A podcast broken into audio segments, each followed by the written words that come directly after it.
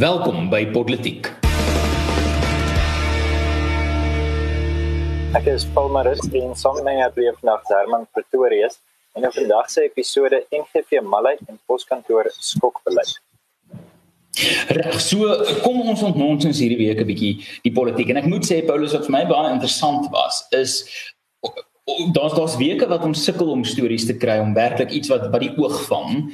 En dan is daar weke wat besonder dramaties is maar nie noodwendig besonder ideologies of of ontnonsens ryk nie.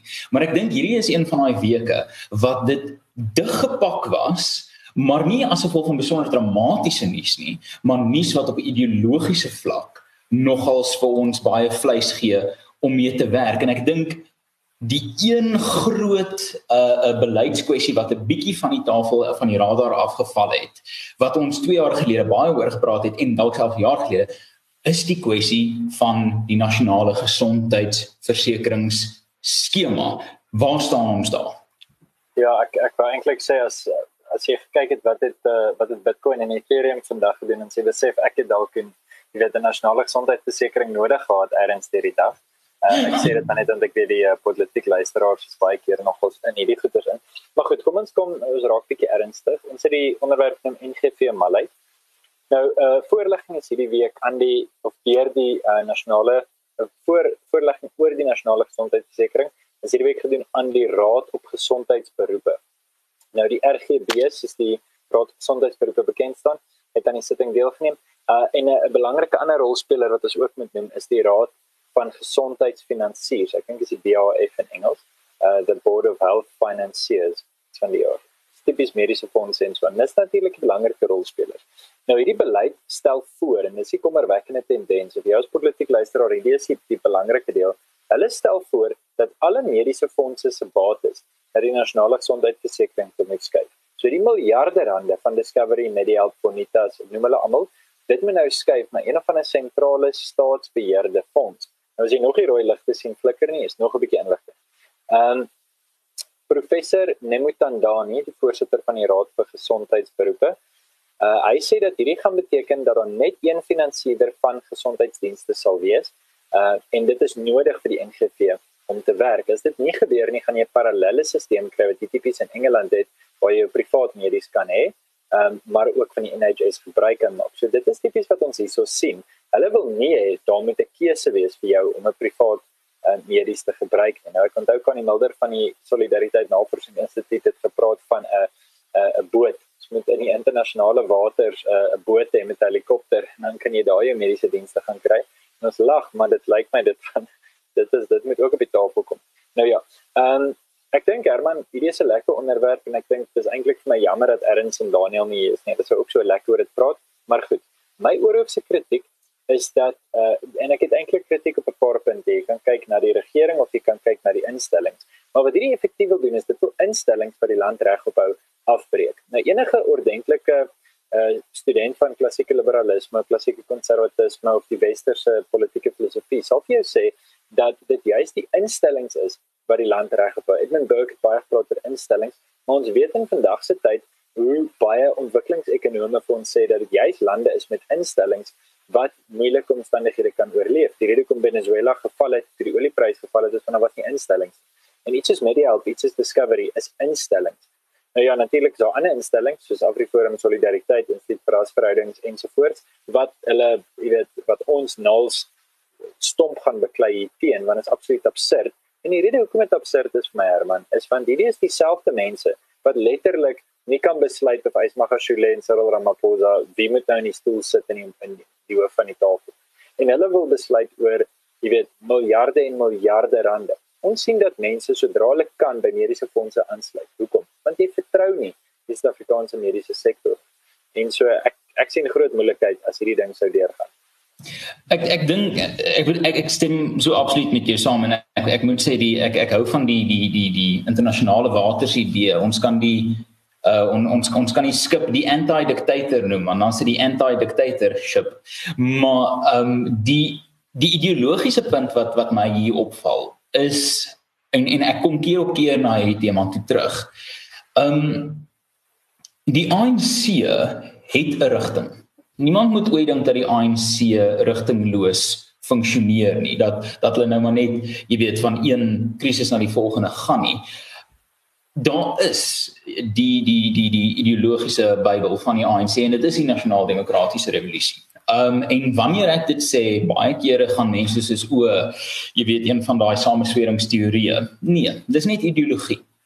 Soos wat jy organiese orde kan kry in 'n mark omdat daar gedeelde geloof is dat jy moet uh, uh, uh, effektiewe diens of produk aanbied teen 'n sinvolle prys.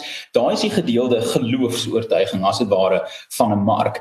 Dieselfde kan amper toegepas word op die ANC as 'n ideologiese entiteit. Hulle het 'n gedeelde geloof. Nou soos wat jy in die mark 'n uh, organiese forme van orde kry, kry jy ook in die ANC omdat daar hierdie gedeelde basis geloof is organiese vorms van ideologiese orde. So dit lyk dalk asof die ANC chaoties is. Dit lyk dalk asof die ANC hulle pad nie uit 'n papiersak kan navigeer omdat die linkerhand nie weet wat die verlinkerhand doen nie. Maar daar is 'n gedeelde ideologiese aanslag wat maak dat daar tog 'n vorm van kohesie is. Die party vir al sy gebreke en gebrokenheid beweeg in 'n spesifieke ideologiese rigting want dit is in die DNA van die instansie ingeskryf. So om die punt te maak dat die ANC um verdeel kan word in faksies is 'n baie populêre punt deesdae. En ons maak dit baie keer op op op op politiek self. En ek het nou dag weer na 'n seminaar geluister van iemand wat gesê het, "Ag, die Magashule kwessie. Dis nou die begin van die hervormers om terug te veg. Die die die goeie ANC as dit ware. Die ANC van van die pragmatiese geerplan van die uh vroeg 2000s, middel 2000s wat regtig uh ekonomiese groei en sosio-ekonomiese opheffing laat uh geskied het in ons land. Dit is ongelukkig oneerlik. As daar iets is soos 'n hervormingsfaksie, is die naaste wat ons daaraan kom minister Mboweni, uh minister van finansies. Nou die probleem is ek sou nie so ver gaan om om om 'n hervormer te noem nie. Ek dink hy is meer redelik, meer rasioneel as die res van die kabinet, maar die tragedie van die saak is hy is magteloos. So as daar 'n hervormers 'n uh, 'n uh, 'n faksie en ek bedoel nie die teologiese hervormers faksie is binne die kabinet is dit klein en tandloos. So dan is die vraag, wat doen die ander twee faksies? Wel, dan is dit jou radical economic transformation, jou RET faksie, jou Zuma Magashule, ehm um, Skotsana die mini Zuma faksie, en dan het jy jou meer ideologies sosialistiese beheer ekonomie faksie van jou Pravin Gordhan's en ek sou sê Cyril Ramaphosa val in daai kamp. Die tragiek van die saak is Wanneer dit kom by dinge soos die NGV, kry ons die mense wat jou geld wil vat en die mense wat jou geld wil steel op presies dieselfde bladsy. Want die een ding waarmee hulle met jou saamstem is dat jy nie jou geld mag hê nie.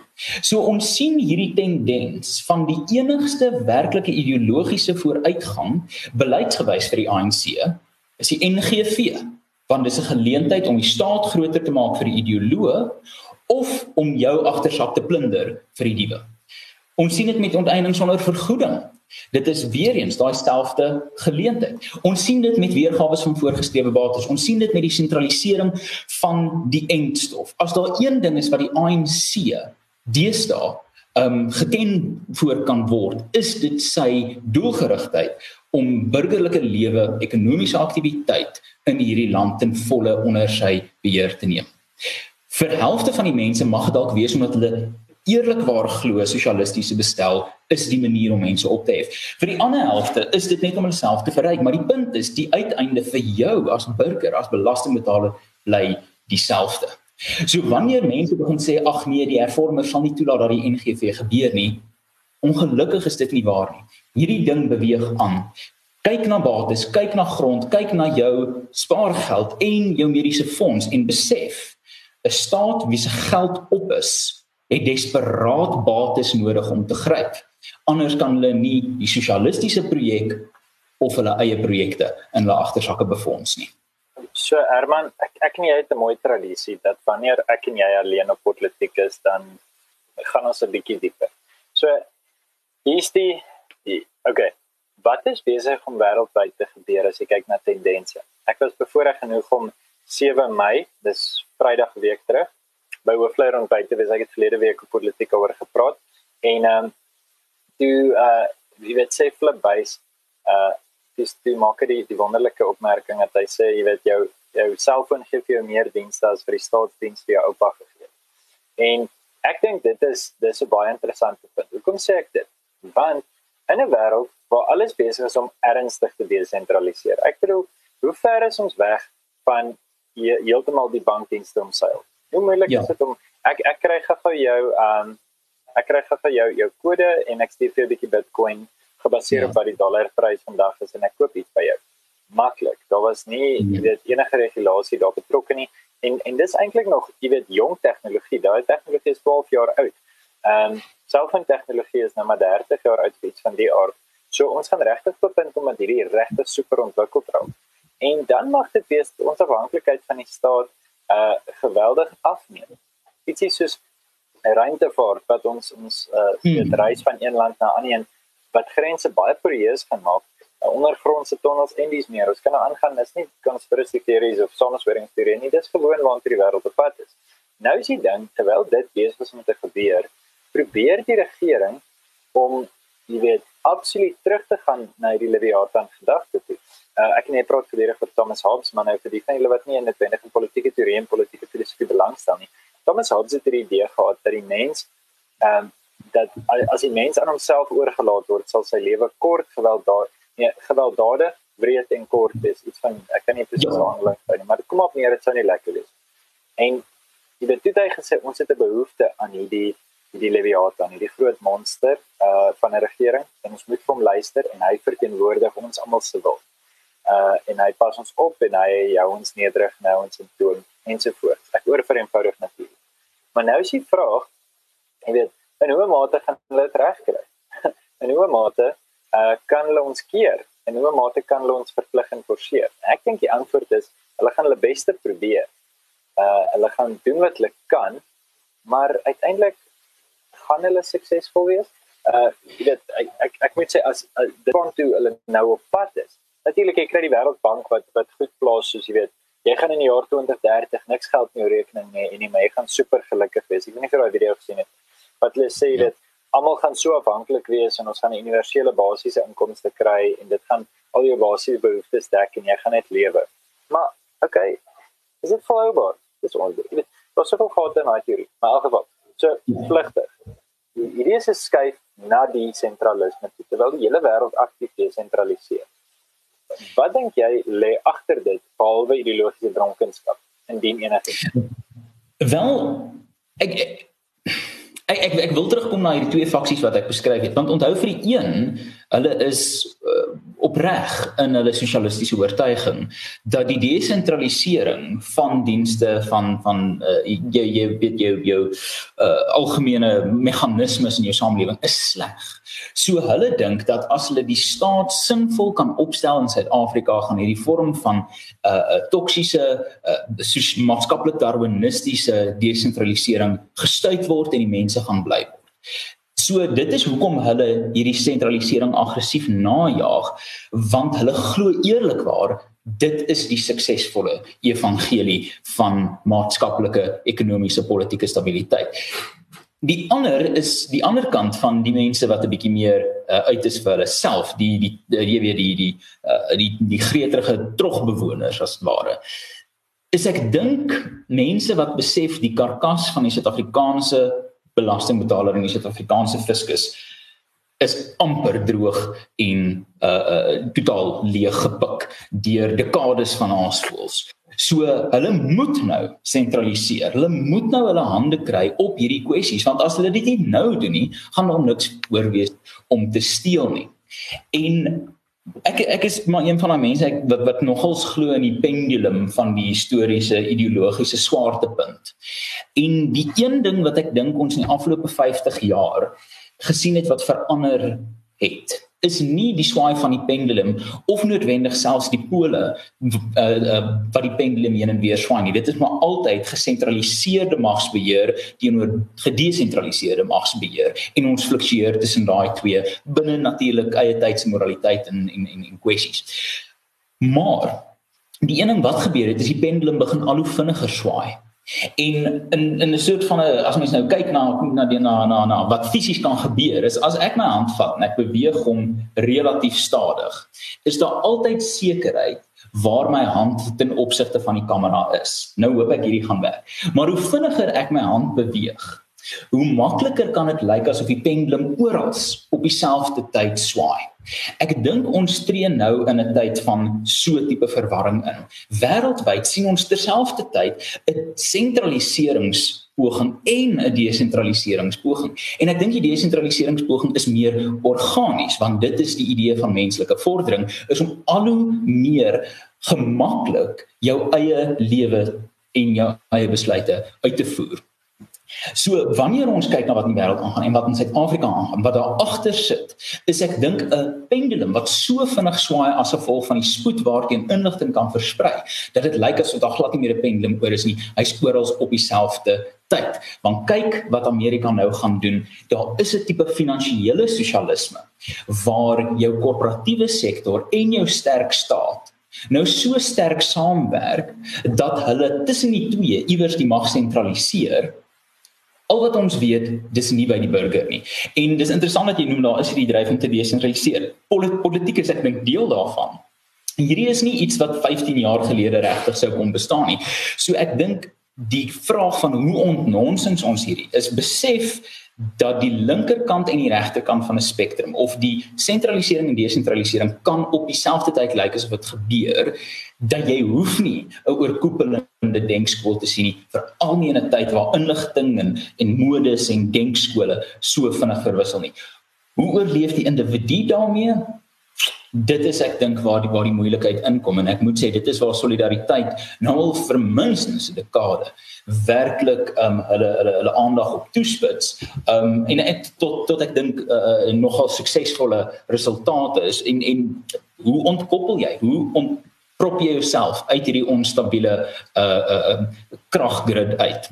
Dit is 'n vraag wat ons baie hierop kan spandeer. Ja en, en ek ek ek dink die fout lê daarin dat die mense te te ideologies wil ingaan, jy wil te filosofies raak en die realiteit is dat die ehm um, jy weet mense het baie keer die aanname dat daar 'n soort van 'n big brother is. Dis net wat nou 1984 van Orwell gelees het. Jy die aanname iemand kyk. En soveel as dit nie van die ANC hou nie, is jy rustig om net dat iemand ten minste 'n plan het. Jy stem plat nie saam met die plan nie, maar jy weet daar's 'n plan.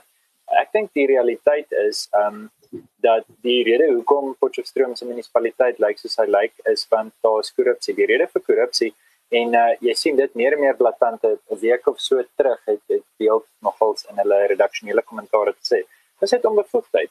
Ja, goed, daar was korrupsie, maar dit was opportunistiese korrupsie in baie gevalle. Ja, daar was natuurlik sistematiese korrupsie en ek dink dit sien ons meer by die groot koppe, ehm um, tipies die die ouens wat nou in die in die nuus is, Magashule en dis meer. Maar vir baie mense was dit maar net opportunisme en hy het nie noodwendig geweet hoe om 'n dorp te bestuur nie. En so die die gevolg daarvan is die realiteit wat jy vir jouself skep, is die realiteit wanneer jou kinders gaan groot word en jy gaan heel moontlik nie so baie weerstand kry soos wat jy gedink het nie. Inteendeel jy gaan vriende kry op vreemde plekke. Nou ja. Ehm um, ek dink ons kan op hierdie storie lank ingaan as 'n uh, as ek, ek, ek, ek wil kan ek jy kan natuurlik reageer, maar ek dink omdat die storie so naby mekaar is, wil jy nie in jou reaksie ook sommer vir ons jou volgende storie inlei oor die posdiens nie. Want my gevoel is dis dieselfde. Ons sien hier nie 'n kommentaar dat hulle praat oor Uber. Dit is presies dieselfde storie. En jy weet Uber teken laat Postnet se storie met die met die poskantoor wat ingang is. Dit alles kom neer op hierdie staat wat dink hy's regtig oulik. En ja. jy weet dis dis is daai ek weet nie die eerste ou op die kleuterskool werf wat kan rondloop sonder 'n doek, jy weet. Hy's vreeslik oulik, maar dan besef hy nie die wêreld het aanbeweeg. So, maar geval. So miskien kom ons dit. Wennie vir ons jou volgende storie inlei. Ehm um, en dan praat ons filosofies maar met verwysing na die poskantoor. Slim. Nee, dit maak vir my sin. So die die die die vraag is ehm um, beheer en waar sit dit? En en die poskantoor het hierdie obsessie um oor monopolie en beheer. En ons sien dit uh ook by die SAIK in die afgelope tyd waar daar sprake daarvan is dat daar moet 'n algehele toestelbelasting of heffing wees om die SAIK te befonds. Daar moet 'n uh, Netflix en Hulu en Amazon Prime verbruikers moet 'n ekstra heffing betaal uh, want die die die die SABC moet met hulle uh moet moet befonds word om met hulle te kom kompeteer. So daar's hierdie idee dat die staat sy magsposisie gebruik om die mark uh, te belemmer in in in sy eie guns of die die die, die uh, spelle bietjie die weet duim op die weegskaal te sit. En ons sien dit nou ook met die poskantoor. En die poskantoor, ehm um, kyk dis wat wat ek nou eendag vir iemand gesê het en dis heel moontlik waar. Is dis moontlik dat die poskantoor in 2003 hierdie besluit geneem het, maar dat die brief nou eers by ons uitgedaag het dat hierdie is wat hulle wil doen.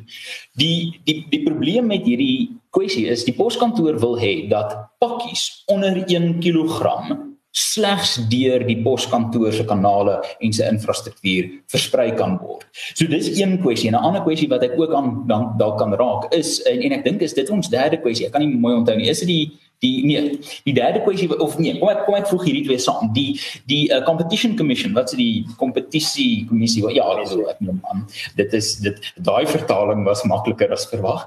Ehm um, is het, het nou onlangs gister aangekondig dat hulle gaan agter Uber Eats uh, Property 24, Apple Store, Google Play, Android, al hierdie dominante uh uh besighede gaan hulle nou najag en sê weet jy is jy nie dalk te groot vir jou vir jou skoene nie?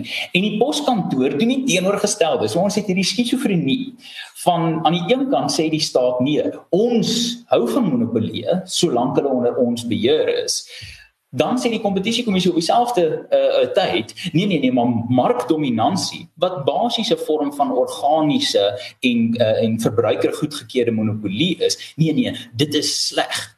En ek vermoed daar gaan 'n interessante nuwe ekonomie ontstaan van hoe om uh, jy weet 1 kg sand te huur en te verhuur. Want ek sal verragtig sorg dat as ek by Takealot of Uber iets iets bestel wat nie 'n kilogram is nie. Dan sal ek vir hulle sê, weet jy, sit van daai sit van daai spesiale sand by, stoor dit tot so 1.1 kg met die ekstra sandjies. Ek stuur dit vir julle terug, maar die laaste ding wat ek wil doen is om vir die poskantoor te vra hulle moet goederes aflewer, want ek wag nou nog, letterlik nou nog vir goederes wat ek in 2007 deur Amazon bestel het en wat ek weet by die poskantoor aangekom het maar eenvoudig net nooit by my aangekom het nie. So kort en lank daarvan is poskantore hulle soek beheer oor uh, oor klein pakkies en dit is nogals breedvoerig. Uber Eats is en Takealot en Checker 6060 al hierdie goeders regtig uh, in ja. die in die in die hier hierso.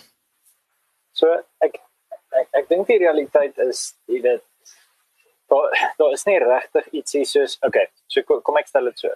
Ons gebruik lense en paradigmas om die wêreld te verstaan en ek weet jy het al baie keer gepraat oor die jy weet die verskillende lense waardeur geskiedenis gesien word as proses of as uh ontvouing of wat ook al. En dis dieselfde met politieke filosofie, dis die en wat ons eintlik maar meeste van die tyd mee besig is. Ons praat oor die nuus en dan soek ons vir tendense daar agter en dis eintlik maar politiek en hoe die politiek homself gedra en dan dink ons oor die politiek. So dis politieke teorie en politieke filosofie. En nou is dit dan. In meeste gevalle is dit nie so eenvoudig nie. So in meeste gevalle kan ons nie sê ah hier's realisme of idealisme of liberalisme nie. Gaan hier's 'n konstruktivisme of marxisme. Dis nie so eenvoudig. Die realiteit is Julius Malema is in sy persoonlike lewe 'n massiewe kapitalis terwyl hy jy weet en ons net champagne sosialisme maar die waarheid van die saak is Julius Malema wil 'n plaas hê. Hy wil goed verkoop hy wil grondstowwe ontvang en dit is presies dit wat Marx teen was. Um, hy wil mense aanstel jy weet hy wil hy wil produksiefaktore besit. En en dan raak dit vir die ding van okay maar dan sê mens maklik ook okay die marktensmatige sosialisme maar dan sien jy hierdie ouens glo regtig wat hulle sê. Hulle skryf doktorsgrade oor dit. Met Losie gaan tydens lockdown en lees van hom. Uh jy weet, en dan dink jy, okay, maar daar is tog al dalk sit 'n verwarring.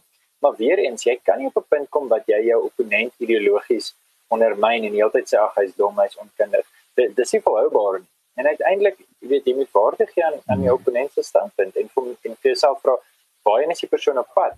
En en die die realiteit is dat ons het nie altyd 'n lens wat vir ons die regte manier gee om na die wêreld te kyk. Ek gaan weer 'n praktiese voorbeeld gee. So ek het 'n sportbril vir Kersfees gekry by my skoonma so 'n paar jaar terug. Dit was voordat sy my skoonma was. En dis 'n sportbril waarvan jy die lense kon vervang. So jy het 'n geel lens, 'n oranje lens en 'n en 'n soort van 'n swart lens. So as ek gaan hardloop in die son skyn, dan dra ek die swart lens. As ek in die nag gaan hardloop, dra ek die geel lens sodat die ligte, jy weet, so 'n bietjie weggaan. En die oranje lens sal mens tipies gebruik as jy nou in die nag hokkie speel of so tipies. Jy weet onderlig. Ehm um, maar die punt is so vir elke omstandigheid kies jy watter lens gaan vir my die beste visie gee van wat voor my aangaan, gaan die slegte dinge wegvat en die goeie dinge my duidelik maak. En die probleem is ek dink dit soos jy sê met daai hand wat so vinnig beweeg. die die realiteit is dat ek nie dink daar's 'n wenige paradigma om te verduidelik wat aan die gang is. Ek dink gewoon en en in so 'n geval kan 'n mens baie keer teruggaan na miskien realisme bedoelende moenie probeer om een of ander stelsel in te sien. Jy sien die goed net vir wat dit is, sien dit as mag. Sien dit as hmm. geld en mag en belangrikheid en status en mense wat dit nastreef. Sien dit as egoïsme en elkeen wat vir homself optree. Want dis die een ding wat elke mens weet wat om te doen. Jy kom, jy weet, die oomblik wat jy gebore word, die eerste ding wat jy doen is jy huil. Hoekom? Want jy soek iets vir jouself. Jy wil hê iets moet nou hmm. gebeur vir jou omstandighede om beter te wees. En ek is geneig om baie keer die die die wêreld op daai vlak te sien. Ek sien ons uh, ons luisteraars is besig met 'n heeltemal ander debat hier op die regterkant. Dankie Karel, ons hoop hulle geniet dit. Ehm so uit, uiteindelik vir my kom dit net meer op hierdie. Die staat moet probeer om sy eie oorlewing te verseker. En dit is daar is net so 'n goeie staat nie. Wat ons kan sê in my geval ek dink nogals Ronald Ronald Reagan het 'n paar gedreig gedoen. Ek het weet ook maar van weet vandag ook oor uit een van 'n program wat baie goed was het hy geskraap. Ek kan nie onthou wat nie. Hy het iets geskraap wat wat ek gedink dit is sinneloos het om dit te doen. Kan nie onthou. Maar in elk geval, ehm um, die die punt is hy okay, hy het 'n multimiljard dollar staat probeer in die lewe en is 'n besigheid. Wat is 'n president anders as 'n hoofuitvoerende beampte? Ja, goed. Ja. Hy wil uiteindelik herverkies word tot die raad en dit dit beteken hy moet mense gelukkig hou en met dividende lewer. Wat is sy dividende? Die program na en dis meer. Maar uiteindelik sit ons in 'n situasie waar die Suid-Afrikaanse regering 'n ernstige bestaanskrisis het as besigheid. En nou misbruik hy sy mag en hy het 'n absolute monopolie en jy weet binne ons ek dink ons het ons konfinistiese beskouing glo ons hy moet 'n monopolie hê op die uitvoering van mag op die uitvoering van hmm. geweld. Ehm um, maar dan kom jy op 'n punt wat jy sê en, en ek ek dink baie Afrikaners sukkel met dit. Jy weet jy's geleer om die staat te gehoorsaam. Jy's geleer om John Foster of oom Bioko as 'n goeie oom oom PW oom jy weet selfs ons doen dit nog steeds oom Cyril. Gaan nie met oom Cyril hmm. strei nie hy's eintlik 'n goeie ou hy hy buffels hy's 'n lekker ou. Hy is nie. Hy wat ja. wil hy hy wil geld hê hy wil mag hê. En dit is so eenvoudig soos dit. Ehm um, hoe gaan ons dit van weg? Wat ons van instellings bou wat wat ons eie goeders doen? En ergens tussen die klisjées van ons sal self en boer maak 'n plan gaan ons ons identiteit moet vind en moet bou. So ehm um, dis 'n 'n lang en ek dink dit was meer 'n preek as wat dit 'n inset was. Maar wat die poskantoor betref is dit 100% toepaslik. Hoekom? Mm. Want hy wil beheer hê. Hulle weet hulle kan dit ja. so goed doen nie. Hulle gaan ook nie probeer om dit so goed te doen nie. Hulle gaan net mag hê. En ek ek ek moet sê daar ek bedoel jy jy raak so baie goeie punte aan. Ehm um, ek dink daar's so 'n ongesonde uh, 'n menslike obsessie met persoonlikheidspolitiek. En ek en ek dink eerlikwaar dit is 'n dis 'n spirituele ding. Dis 'n dis dis dis 'n teologiese ding. Dis ons is gemaak vir monargie. Ons is gemaak om ons hoop, ons ambisies, ons vertroue te plaas op 'n leiersfiguur. Nou ek dink dit is Christus. Maar die sondeval het daai hele dinge bietjie beduiwel. So nou sit ons hier in 'n situasie waar daar die mens vir wat ook al rede, ek dink teologies en spiritueel, ander mense dink dalk uh, op ander vlak, maar ek dink daar's 'n ongesonde obsessie met persoonlikheidspolitiek want dit dit is verstaan dit dit maak sin op 'n baie baie primitiewe uh, uh vlak. So wanneer mense dan nou kyk na die konsep van die staat en en ek moet sê my my oortuiging van die staat kom kom amper dis dis dis die hond-wolf kwessie in 'n manier. Ek dink Aristoteles is heeltemal reg geweest toe hy gesê die mens is 'n politieke dier. Soos wat die muur sy kolonie vorm, soos wat die by sy bynes maak, vorm die mens samelewings met staatlike instansies met staatsmag of soos Paulus sê nee sê monopolie op mag of amper monopolie op mag of of dit kerklik staatlik kultureel is jy gaan 'n staatlike entiteit kry met 'n sterker uh uh mandaat om om reëls te maak en toe te pas. En die die vraag wat ek dan dink is of of die kwessie wat ek dan dink en die vraag wat ek probeer beantwoord is as staatvorming en staatsgesagvorming en magshierargie onvermydelik is soos wat ek dink Aristoteles dit korrek uitgewys het is dit 'n vraag van as hierdie ding onvermybaar is of onvermydelik is wat doen jy hiermee? En ek dink dis waar die wolf hond voorbeeld wat ek 'n paar keer gebruik het al my lewe inkom. As jy in die wilde bly en daar's ons honde na of daar's wolwe naby het jy 'n keuse. Of jy ignoreer die wolf soos wat ek dink 'n uh, 'n uh, 'n uh, uh, anarchiste probeer doen. Of jy ignoreer die wolf en jy dink jy kan die elemente oorwen. Wel, ek dink jy gaan dan vergeet daar's meerdere wolwe. So ek dink nie anarchisme maak sin nie. Ek dink nie jy moet beste vriende maak met die wolf soos wat die marxiste in die sta in die en die sosialiste wil nie want as jy die ding nie gaan tem nie bly dit 'n wolf en 'n gevaar vir jou en jou mense. So die vraag is hoe domesticate jy die staat?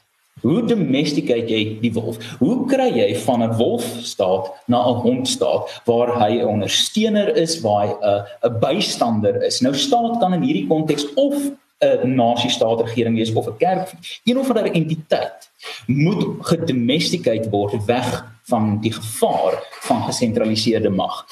En in hierdie opset van Suid-Afrika is die vraag regtig hoeveel mense is bereid om te begin domesticate aan 'n dier wat eens makker was maar wat al hoe wilder en wilder en wilder raak en desperaat raak want sy kos raak op die ANC. So ek ek ek dink nie ek gaan heeltemal so sinies wees soos jy om te sê die die staat of die regering is 'n besigheid wat homself moet bestand hou in onderhouding nie. Ek dink daai posisie gaan gevul word, daai magshierargie gaan gevul word deur 'n staatelike entiteit, maar in die ANC se geval is die verbintenis tussen die stabiliteit van die staat en die voortlewing van die beweging so glashelder omdat hulle die staat se belastingvermoë nodig het, die poskantoor se monopolie nodig het, die SABC se die die NGV grondondening sonder vergoeding nodig het om hulle party waaraan hulle primêre loyaliteit behoort aan die gang stabiel en verenig te hou. En die, en die, en die kwessie is wat doen ons nou? En ja. ek kom dis die tweede keer in hierdie gesprek wat daarby uitkom en ek weet dis onbevredigend, maar maar verstaan die die vraag is letterlik gaan jy jou rol speel om hierdie dier te probeer maak maak of gaan jy nou maar net dink weet jy hy's nou maar daar jy jy gaan moet reageer op hierdie dier en die vraag is net hoe wat is daai reaksie Ja, so uiteindelik, jy weet, kan mens seker nie anders doen een of ander tipe reduction is met 'n pleeg nie, want jy gaan jy jy moet probeer om om dit te verstaan. So as ons 'n hond wolf scenario skep, as ek jou metafoor gebruik, dan sê ons dadelik vir onsself dat dit gaan oor mag, dit gaan oor die vermoë om geweld te pleeg en dit gaan oor gevaar want dit is jy weet jy het presies met dieselfde ding te doen jy het met 'n met 'n uh wat sê hoe sê mens die latyn afrikaans sê kanine ek wil sê canine want dit is definitief Engels maar hoe dit ook al sê so jy het jy het jy het jy het 'n hond tipe dier wat uh, dieselfde hoeveelheid tande dieselfde hoeveelheid pote het en die verskil hierso is, is sy vermoë om jou te beskadig en dis waartoe ons dan die hele verhouding reduseer. Ehm um, en nou goed, ek en, en, en wat ook belangrik is en sorry om nou die metafoor te deksels ver te vat is met 'n hond is dit belangrik om die om om die hond in te lig wie's baas.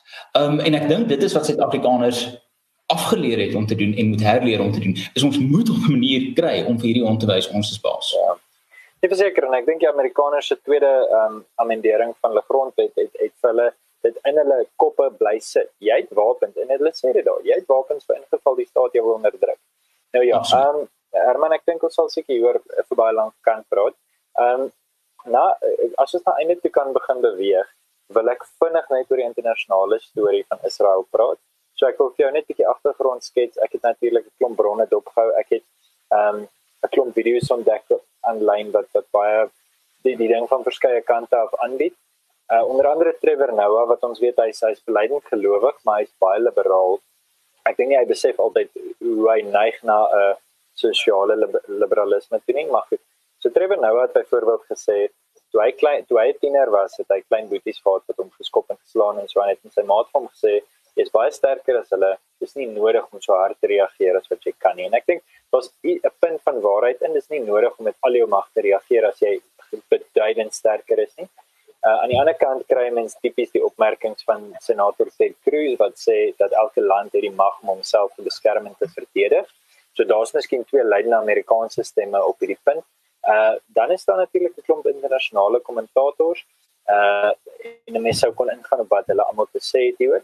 Ek dink uiteindelik um mense weet natuurlik wat Hamas en en net net aan jou hieroor te sê. Hulle is natuurlik glo dat hulle optrede reg is.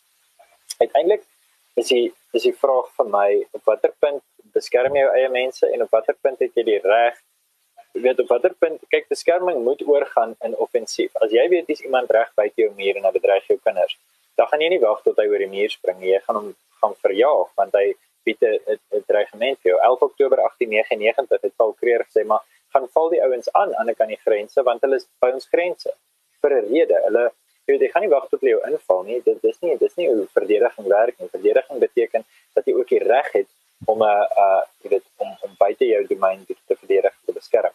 So miskien vlugtig, het jy opinie hieroor as jy episode dalk uh, met daai rigting afsluit? Weet jy, ek dink die Israel Palestynse konflik is vir my iets wat ek ek, ek geen nie om hoe baie ek daaroor lees en hoe baie video's ek daaroor kyk nie. Ek ek voel nooit gemaklik om regtig uh te sterk van 'n opinie daaroor in te neem nie.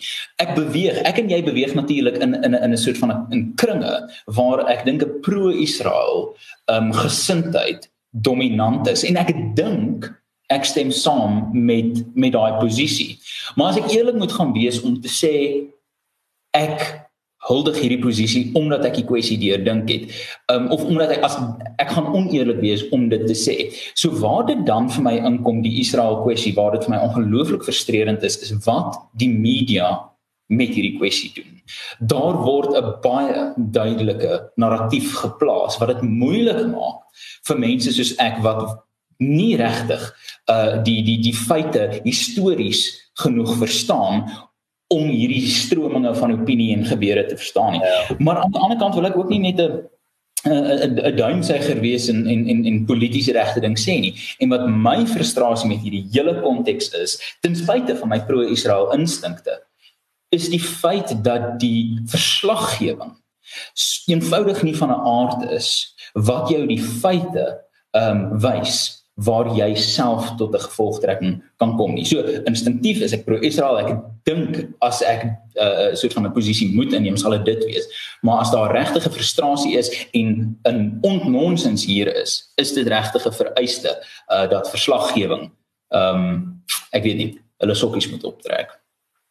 Nou ja, ehm um, Herman, voordat ek jou kans gee om die episode af te sluit net vir my laaste gedagte. Ek dink dis 'n baie polariserende kwessie want dit het die diepste te doen met etnisiteit en ek dink ons as Afrikaners verstaan dit. Ek kan nie 'n standpunt oor gewere of oor abortus of oor watter whisky jou gunsteling is kan jy verander. Ek bedoel nie om abortus en whisky te reduseer tot dieselfde punt nie. Wat ek sê is wanneer jy 'n binêre keuse kan maak oor reg of verkeerd is dit een ding.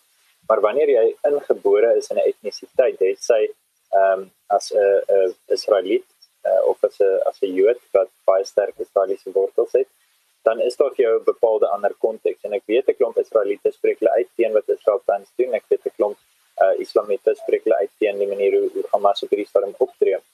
Ehm um, uiteindelik jy weet dink ek dis 'n baie komplekse kwessie en, en ons hou dit maar net dop en ons het bepaalde lense op.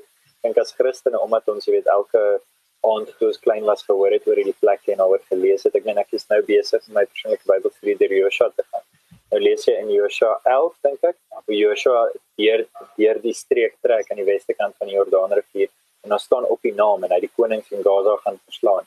Jy weet, dit is net vanoggend te dink ek, wow, hoe toevallig is ek het nou nie nou soek nie, maar ek ek, ek, ek dink die laaste vers van Joshua 11. So dis net hierdie jy weet, dit is so moeilik en 'n mens het so bepaalde mening oor dit. Nou ja, dankie Herman, en, ek. In Paulus as as ons nou regtig lank oor iets wil gesels, dan kan mens na die eskatologiese belangrikheid van die Israel konflik kyk, want jy het jou teoloë, soos jy jou wat sit jou uh jou premillennial teologie wat die die die nasiestaat van Israel sien as 'n Bybelse verskyning wat aanduidend is van dinge om te kom. Maar verstaan, ons hoef nie al die pad uh van Joshua tot by Openbaring te gaan nie. Maar soos aande sonder weerkrag is hierdie episode vir nou eers verby. As jy hou van wat ons hier by Politiek doen, um klik op subscribe en uh klik op die klokkie sodat jy die nodige kennisgewings van ons kant af kry. Ons nooi jou uit as luisteraar om saam met ons verder te ontnonsens die gesprek voort te sit in kommentaar afdeling. Maak gerus kontak met ons. Um, en as jy jou besigheid hierso op politiek wil bemark jy is ook welkom om vir ons 'n resensie te los met jou klagtes en gedagtes. Maar ek vermoed daar gaan min klagtes wees want Daniel en Ernst was nie hier nie. Dit was net ek en Paulus die aangename mense. Maar op daai noot baie baie dankie vir julle tyd. Gaan ontnonsens daar waar julle is want dit is 'n wêreld vol nonsens en hy gaan jou onkant vang as jy nie jou kant bring nie.